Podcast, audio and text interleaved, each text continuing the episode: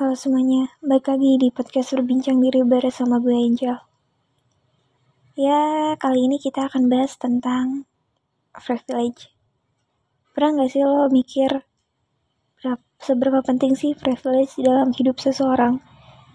Atau lo ngeliat, dia mah enak karena dia punya privilege ini, atau dia bisa ya karena emang kayak gitu, gitu. Privilege dari keluarganya, privilege bawaan lahirnya, emang udah begitu ternyata setelah gue sadari dan gue telah ah gue membedah dulu dari sisi yang gue lihat.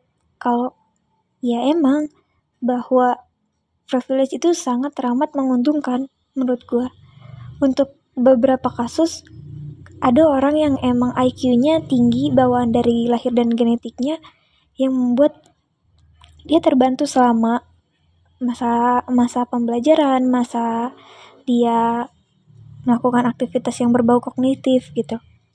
Dan menurut gue kayak dia ketika di satu kelas dapat pelajaran materi misalnya dia jauh lebih mudah menyerap tanpa effort yang harus effort banget. Karena emang bawa bawa dasarnya dia sudah pintar dari IQ-nya jadi dia lebih mudah menyerap lebih mudah mengingat.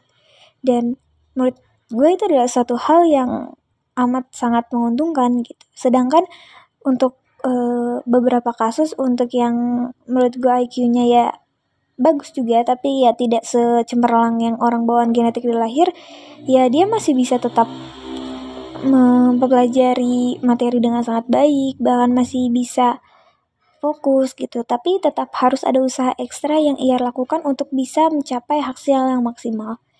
Nah ada juga kayak contoh simple kasusnya tentang kecantikan ada juga beberapa orang yang effortless beauty kayak dia udah tanpa diapa-apain pun cantik dari lahirnya dan tidak usah usaha semaksimal mungkin bahkan dia usaha sedikit pun jauh mendapatkan hasil yang lebih baik karena beauty privilege-nya sudah ada. Sedangkan untuk beberapa kasus ada dengan orang yang tanda kutipnya tidak memenuhi standar masyarakat luas ya. Ya itu kan mengikuti tentang sudut pandang masyarakat dan dia harus uh, ada usaha yang lebih keras dan effortless eh, ada ada usaha yang lebih keras dan effort untuk bisa ya memenuhi standar kecantikan masyarakat gitu. Dan ada juga contoh kasusnya kayak ketika keluarga lo berasal dari privilege orang yang berada. Itu sangat merasa diuntungkan juga karena mungkin ketika lo orang berada lo mendapatkan ilmu dari orang tua lo yang emang beneran bisa bermanfaat bahkan lo bisa dapat dari segi pendidikan yang layak, uh, gizi yang baik, dan tempat tinggal yang layak, serta fasilitas-fasilitas lainnya yang menurut gue sangat membantu lo untuk mencapai kesuksesan lo di masa depan untuk mempermudah gitu. Sedangkan ada beberapa orang yang emang ya harus usaha yang lebih ekstra, belajar lebih giat untuk bisa mencapai pendidikan yang atas gitu. Nah, dari sini tuh gue bisa melihat bahwa emang privilege itu sepenting itu dan apa sih sepenting itu tuh tanda kutipnya ya bisa dimanfaatkan untuk bisa mencapai sesuatu gitu. Kadang ada juga orang yang sudah punya privilege tapi malah tidak dimanfaatkan dengan baik. Tapi kalau misalnya dibilang apakah privilege itu sangat seberpengaruh itu menurut gue iya. Dan itu harus dimanfaatkan ketika emang lo punya. Tapi di sini gue pengen ngebahas tentang sisi lainnya itu. Ya kalau misalnya lo sadar kita nggak privilege itu punya otak atau IQ yang seencer itu. Ya berarti sebenarnya emang yang bisa kita lakuin daripada kita mengeluh terus atau berpikir bahwa ah dia mah emang dari sananya udah bawaan lahirnya pinter dan gak usah dipikirin karena mereka ya udah mau pun udah pinter dari sananya. Ya gak gitu gitu. Ketika lo nyerah sama malah lihat juga privilege orang lain ya lo akan ngesak di hal-hal yang tidak berubah ke mana-mana. Ya karena gue juga percaya bahwa setiap orang tuh punya kelebihan dan kekurangannya masing-masing. Dan Tuhan kok itu adil kok. Dalam segala sisi ada hal yang memang orang tersebut gak bisa tapi lo bisa. Dan kita melihatnya bahwa ketika lo sadar bahwa lo tidak uh, sepintar orang itu ya lo harus belajar lebih ekstra lo harus lebih memahaminya. Karena apa karena kita sadar kekurangan kita dan itu adalah bentuk awareness terhadap diri kita sendiri. Dan ya emang harus ada kerja keras dan upaya untuk mendapatkan hasil yang maksimal.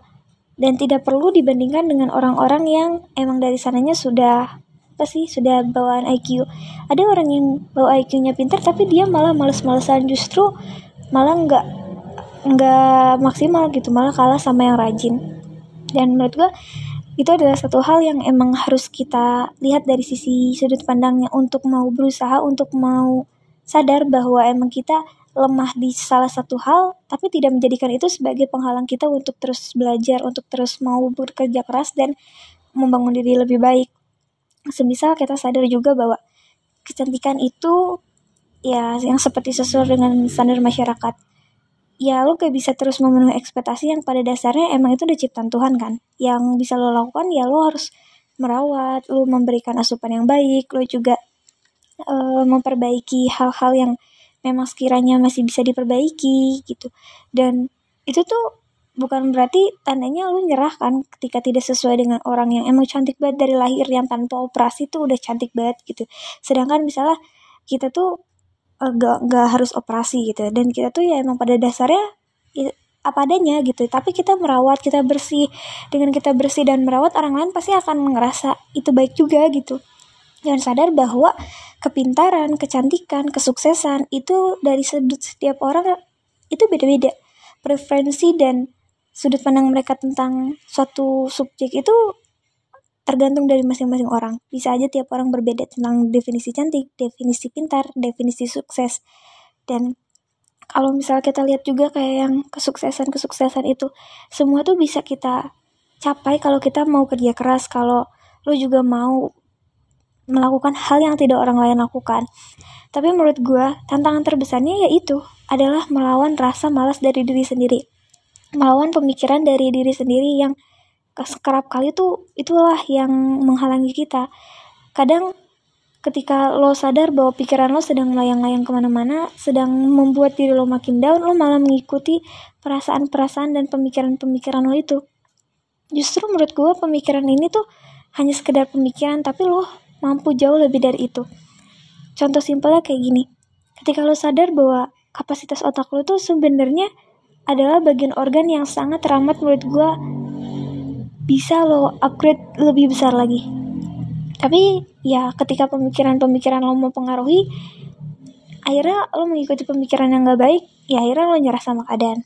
Dan di situlah pentingnya bahwa kita sadar yang paling bisa kita lakukan sekarang adalah berusaha untuk menjadi lebih baik berusaha lebih keras berusaha melakukan apa yang tidak orang lain lakukan. Tapi tantangan terbesarnya adalah melawan rasa malas melawan rasa ingin senang-senang untuk sesaat melawan juga untuk apa ya bisa memanage diri untuk bisa mau konsisten dan disiplin. Karena emang hal terpenting dari satu hal tuh ya kekonsistensian dan kedisiplinan itu.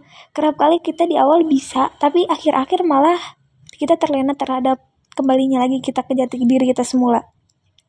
Tapi jangan pernah menyerah untuk terus memperbaiki diri.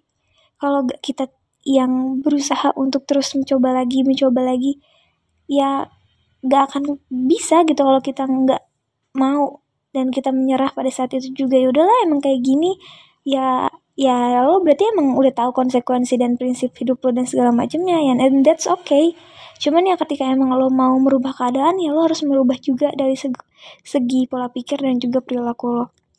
Karena ini tuh beneran apa ya menurut gue tuh sangat amat membuat kita harus sadar bahwa emang dunia ini ada ada hal yang gak kita punya tapi bisa kita usahakan. Jadi gue harap lo yang lagi dengerin itu bisa mengerti dari sudut pandang yang gue berikan dan kita bisa sama-sama mengupgrade diri untuk jauh lebih baik.